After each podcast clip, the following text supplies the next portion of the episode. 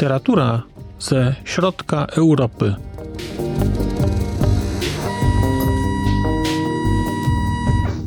Podcast około książkowy.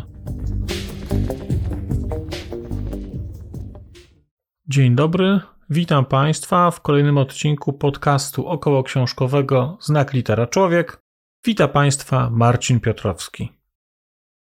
Dzisiaj pojawiam się u Państwa z kolejną książką rumuńską, a tą książką jest książka Dana Lungu o dziewczynce, która bawiła się w Boga. Książka ukazała się w Polsce w roku 2016 nakładem wrocławskiej Amaltei, a polski przekład przygotowany został przez panią Radosławę Janowską-Laskar.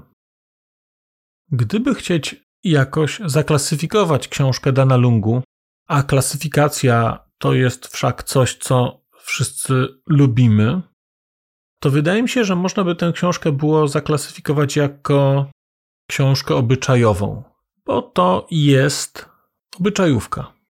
To jest obyczajówka, której akcja rozgrywa się w Rumunii i Włoszech lat 90. i początku wieku XXI. I jest to książka poświęcona emigracji zarobkowej. Ta książka ma dwie główne bohaterki: Leticję i jej córkę Radusię. Letycja wyjeżdża z Rumunii do Włoch, żeby wspomóc finansowo swoją rodzinę. Wyjeżdża do Włoch, pracuje, wszystkim teoretycznie żyje się lepiej, zamożniej. Odkłada te pieniądze, wysyła je do Rumunii. Jednocześnie w Rumunii zostawia poza mężem dwie córki. Radusię, która jest młodsza i którą poznajemy w wieku, wydaje mi się, około 8 lat, i o kilka lat starszą od niej Malwinę. Książka o dziewczynce, która bawiła się w Boga, jest rodzajem rozliczenia się z tym, co dzieje się, kiedy rodzina się, no może nie rozpada jeszcze, ale co dzieje się, kiedy w dłuższej perspektywie ta rodzina jest podzielona? Bo mamy tutaj oczywiście wątek ekonomiczny, ale ta książka jest opowieścią o tym, w jaki sposób próby dostosowania się do nowej rzeczywistości ekonomicznej, próby jakiegoś zadbania o rodzinę, w jaki sposób przekłada się to na życie ludzi, którzy w taki sposób funkcjonują. A przekłada się to, powiedzmy sobie jasno, w sposób bardzo wyraźny, bardzo znaczny. Być może dla części z Państwa tematyka ta jest znana, dla mnie nie była, i dla mnie ta książka była bardzo interesująca, bardzo interesująca także poznawczo. Bo kiedy ostatnio czytałem książki o emigracji, chociażby Markety Pilatowej, to była to książka o emigracji politycznej. Kiedy wątki emigranckie pojawiały się w książce Floresku ostatniej, którą czytałem, to one były ekonomiczne, ale to była historia sprzed ponad 100 lat i kontekst był zupełnie inny. Natomiast Dan Lungu opowiada historię, która mam wrażenie jest historią bardzo powszechną w krajach bloku socjalistycznego, i to jest historia, która tutaj pokazana jest we Włoszech, ale mam wrażenie, że podobne dylematy dotykały Polaków pracujących na saksach, tak zwanych w Niemczech, w Holandii, w Wielkiej Brytanii. My też przecież pamiętamy te fale emigracji zarobkowej. Może nie było to w latach 90., może było to trochę później, ale te pęknięte rodziny to, że jedna osoba wyjeżdża i walczy o to, żeby zarobić jak najwięcej, żeby to przekazać do kraju. Tutaj czekają dzieci. Te rzeczy też znamy. Ponieważ mało czytam, to ja nie znałem żadnej książki polskiej, która by tę tematykę podejmowała, a podejrzewam, że jest tego sporo. Więc miałem takie pierwsze zetknięcie z tą tematyką właśnie w książce Dana Lungu. Mam wrażenie, że dobrze, że zaczynam czytać tego typu rzeczy nie z perspektywy polskiej, bo wydaje mi się, że patrzy się na to trochę inaczej, kiedy ogląda się to przez szkła innego kraju, nieco innej kultury. Czym jest tytułowa zabawa w Boga? Radusia, cierpiąc bardzo, że nie ma mamy, no, że ona jest, ale ta matka jest odległa, to mama, która ją bardzo kocha, która o niej myśli, która się martwi, cały czas odkłada swój powrót, cały czas mówi dziecku, że przyjedzie później, że teraz musi jeszcze coś zrobić, jeszcze odłożyć pieniądze. Więc kiedy Radusia się co jakiś czas nudzi albo ma jakieś swoje życie wewnętrzne, to bawi się w Boga. Zabawa w Boga jest bardzo prosta. Siada sobie gdzieś, wybiera wzrokiem osoby, które coś robią i nakazuje im robienie różnych rzeczy. Przechodzącemu listonoszowi nakazuje wzrokiem, żeby wybrał listy ze skrzynki i on je wybiera. Człowiekowi, który siada w restauracji, nakazuje wzrokiem, żeby zamówił sobie kawę albo jedzenie i on to robi. A człowiekowi, który podjeżdża pod stację benzynową, nakazuje, żeby zatankował i on też to robi. No i na tym polega zabawa w Boga. O czymś się myśli, czegoś się żąda i ktoś robi, spełnia nasze życzenie. Jednocześnie, żeby dobrze bawić się w Boga, nie można żądać rzeczy niemożliwych. Radusia nie jest więc w stanie sprawić, żeby jej mama powróciła. Nie jest w stanie też zrobić rzeczy, które zaprzeczyłyby idei tej zabawy, bo nie miałaby na nie wpływu. Tak naprawdę sztuka tej zabawy polega na tym, żeby wybrać odpowiednią osobę i nakazać jej zrobienie odpowiedniej rzeczy. Radusia spędza w ten sposób czas, dlatego że jest dziewczynką wrażliwą, a jednocześnie bardzo szybko zostaje pozbawiona swojej rodziny.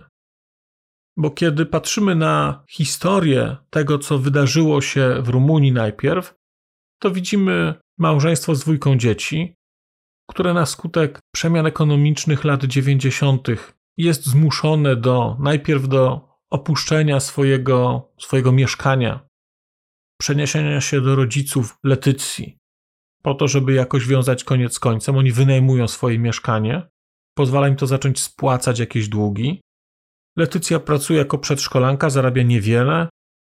Jej mąż jest inżynierem, ale bardzo szybko trafia na bezrobocie.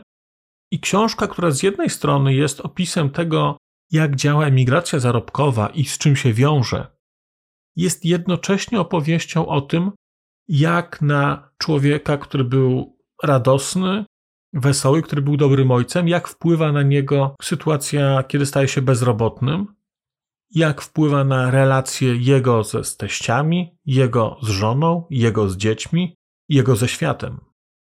Jednocześnie nie jest to opowieść tylko o tej rodzinie, dlatego że Dan Lungu opowiada nam historię jednej rodziny, ale ta rodzina funkcjonuje w szerszym kontekście. Poznajemy więc historię innych rodzin, i te historie są inne, a jednocześnie takie same. Skala zjawiska, o której tu mówimy, pokazana w tej książce, jest znacząca. W tym mieście, które ma około 100 tysięcy mieszkańców, to miasto, z którego Letycja wyjeżdża, dzieci, które tam mieszkają, dzieci, które chodzą do szkoły, dzielą się na grupy. Mamy więc Hiszpanów, mamy Włochów, mamy Niemców, żeby być Hiszpanem, no to bardzo proste. Rodzice Hiszpanów to są Rumuni, którzy pracują w Hiszpanii. Radusia trafia do grupy Włochów, bo jej mama wyjeżdża pracować we Włoszech.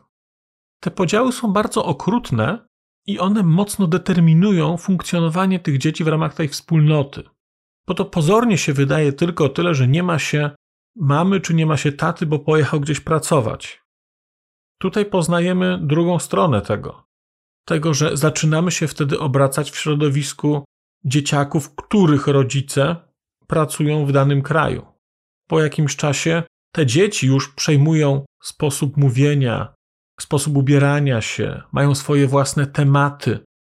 Dzieci, które mają rodziców we Włoszech, grają w piłkę w koszulkach piłkarzy włoskich, ci, którzy mają w Hiszpanii hiszpańskich różne rzeczy się je, w różny sposób zmienia się język, różne słówka zaczynają pojawiać się w języku codziennym tych ludzi.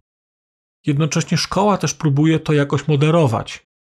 Wprowadzane są na przykład regulacje, które mają uniemożliwić siedzenie w ławkach dzieci, które mają rodziców wyjechanych. Szkoła stara się, żeby te dzieci siedziały obok dzieci, których rodzice zostali w Rumunii.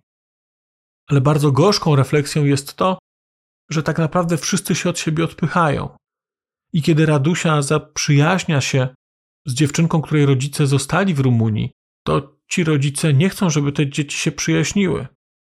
Traktują Radusię gorzej, ponieważ jej matka wyjechała.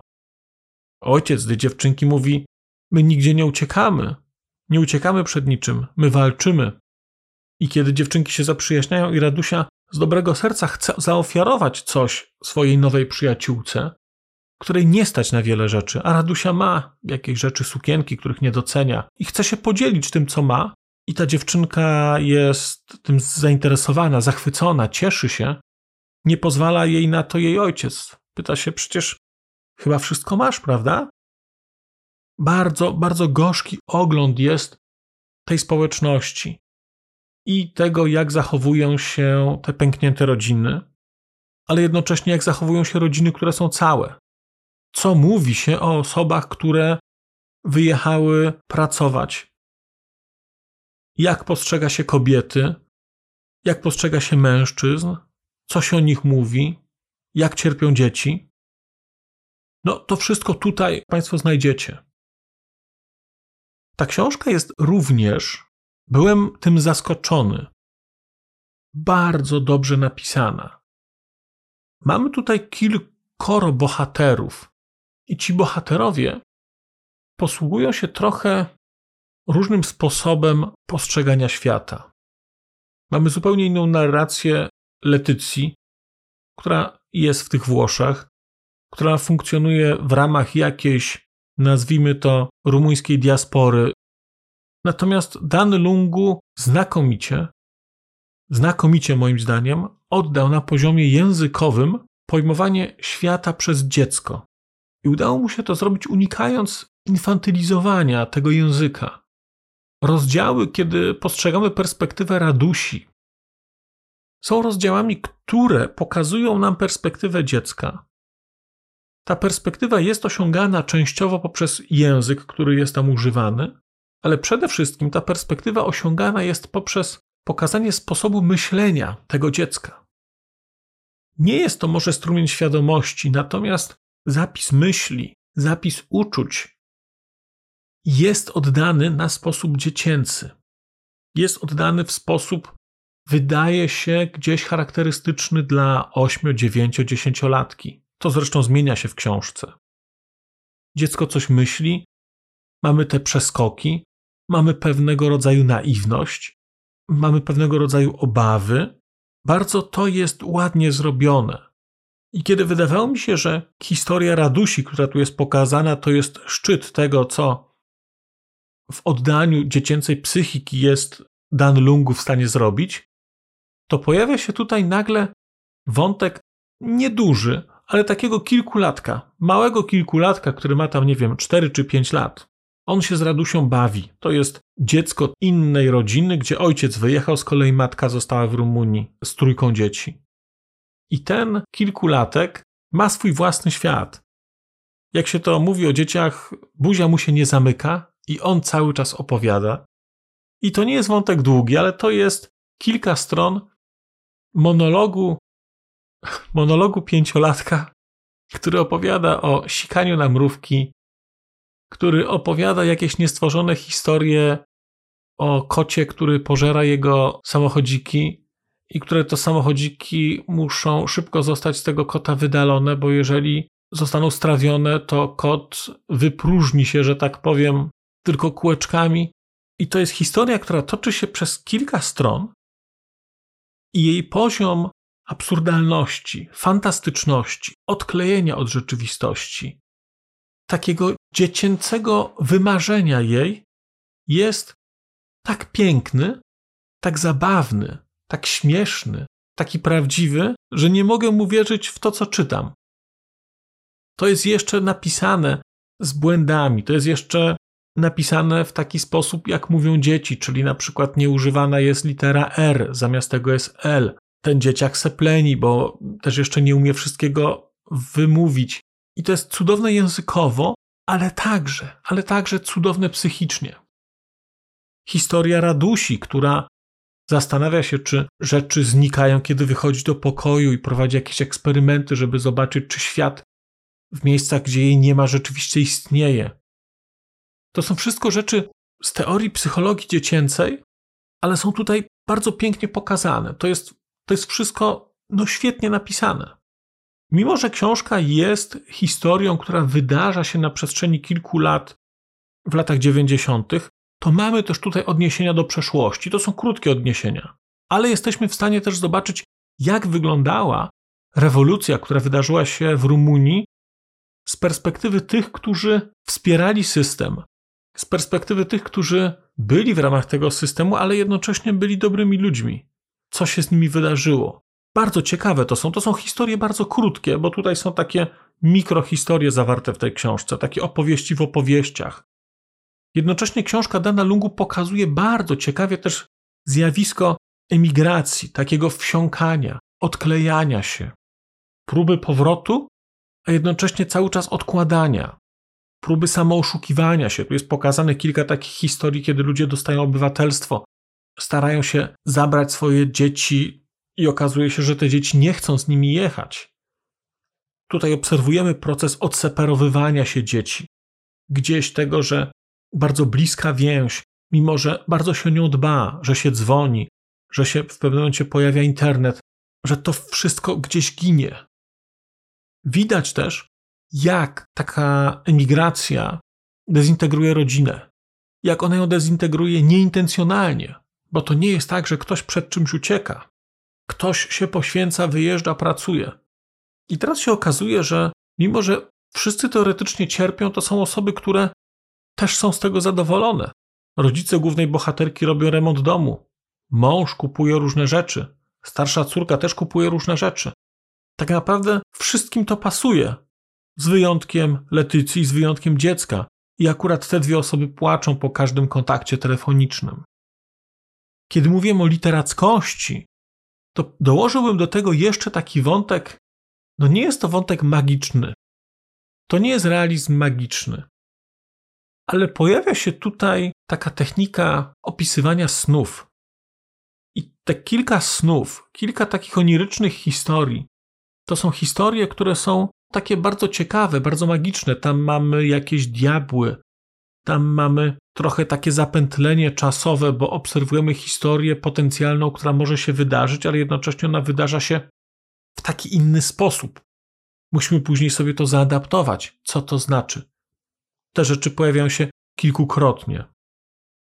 Bardzo mi się ta książka podobała. Wydaje mi się, że to jest ważna książka. Myślę, że dla Rumunów na pewno zmierzenia się z czymś, co okazuje się być chyba dużym problemem, czymś naprawdę masowym, ale wydaje mi się, że to jest też książka, która czytana w Polsce jest książką bardzo, bardzo interesującą. Bo jak mówię, jedna część tutaj to jest wątek czysto migracyjny. Ale czy to jest Polska i Wielka Brytania, czy to jest Rumunia i Włochy, mechanizmy są te same. Odklejenie, zagubienie, zaginięcie w pracy, przekształcanie się gdzieś, osłabianie tych relacji z dziećmi, taka transformacja jakaś, później próby odbudowywania tego, bardzo poruszające, bardzo poruszające jest zakończenie tej książki. Nie będę Państwu w ogóle o nim mówił, bo no, zostawię Państwa z tym, jeżeli będziecie czytać. To jest książka bardzo interesująca, bardzo interesująca, jak mówię, na poziomie tematyki, świetnie napisana, interesująca też właśnie też językowo, literacko. I to jest książka, w której jednocześnie cały czas odczuwałem rodzaj niepokoju czytając ją. Bo będąc rodzicem, mając dzieci, jestem w stanie sobie wyobrazić, jak one się w takich sytuacjach mogły czuć. Jednocześnie ta książka nie jest taka bardzo smutna. Tutaj cały czas widzimy świat dziecka, który czasami jest smutny, ale jednocześnie Ten świat jest pełny nadziei.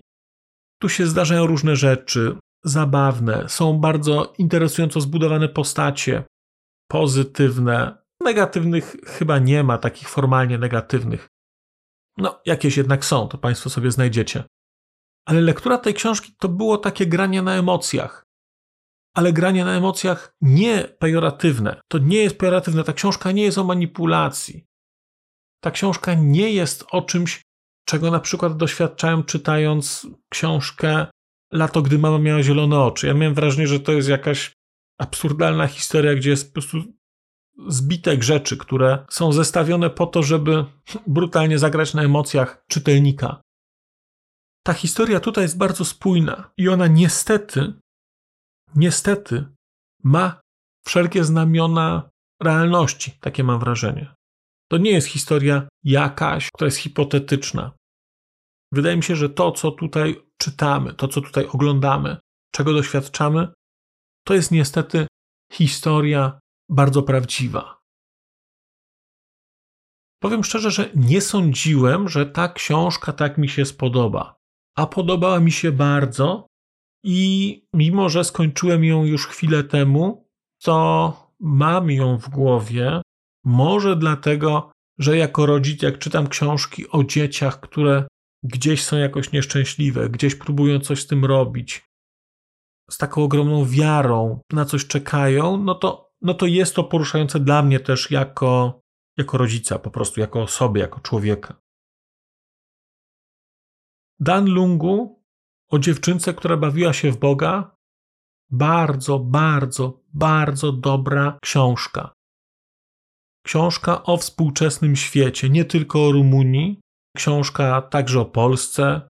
Bardzo wkrótce, bardzo wkrótce myślę, że książka o Ukrainie. O tym, jak będziemy podchodzić do ludzi, którzy tutaj przyjechali, którzy tutaj teraz pracują, których los tutaj rzucił. Wydaje mi się, że to jest książka, którą powinniśmy teraz przeczytać, żeby trochę poczuć to, jak mogą czuć się osoby, które tu przyjeżdżają, które zostawiły gdzieś kogoś. Świetna, świetna literatura. Świetna literatura, mimo że obyczajowa.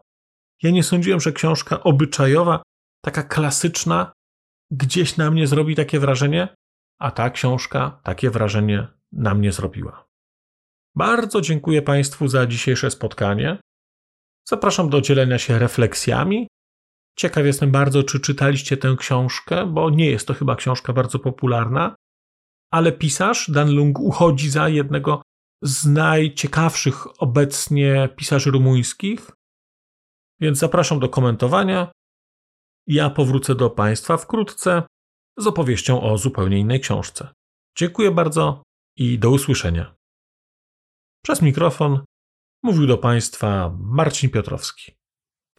A już zupełnie na koniec powiem, że skoro wysłuchaliście Państwo tego odcinka, to w jego opisie znajdziecie link do serwisu YouTube. W wersji YouTube'owej e, jest miejsce na skomentowanie go. To jest takie miejsce, gdzie można komentować ten odcinek, rozmawiać, zadawać pytania, wymieniać się spostrzeżeniami, do czego Państwa bardzo zachęcam, gdyż udało się już na tym YouTubie zgromadzić trochę bardzo ciekawych osób, bardzo ciekawych komentarzy i trochę stworzyć taką społeczność ludzi rozmawiających o książkach. Też na koniec, zupełnie na koniec, e, poproszę Państwa o wystawienie oceny mi w ramach e, tych platform podcastowych, na których Państwo tego odcinka wysłuchaliście. I nieważne jaka ta ocena będzie, istotne dla mnie po prostu, że będzie. Tymczasem się żegnam już naprawdę i do usłyszenia za czas jakiś.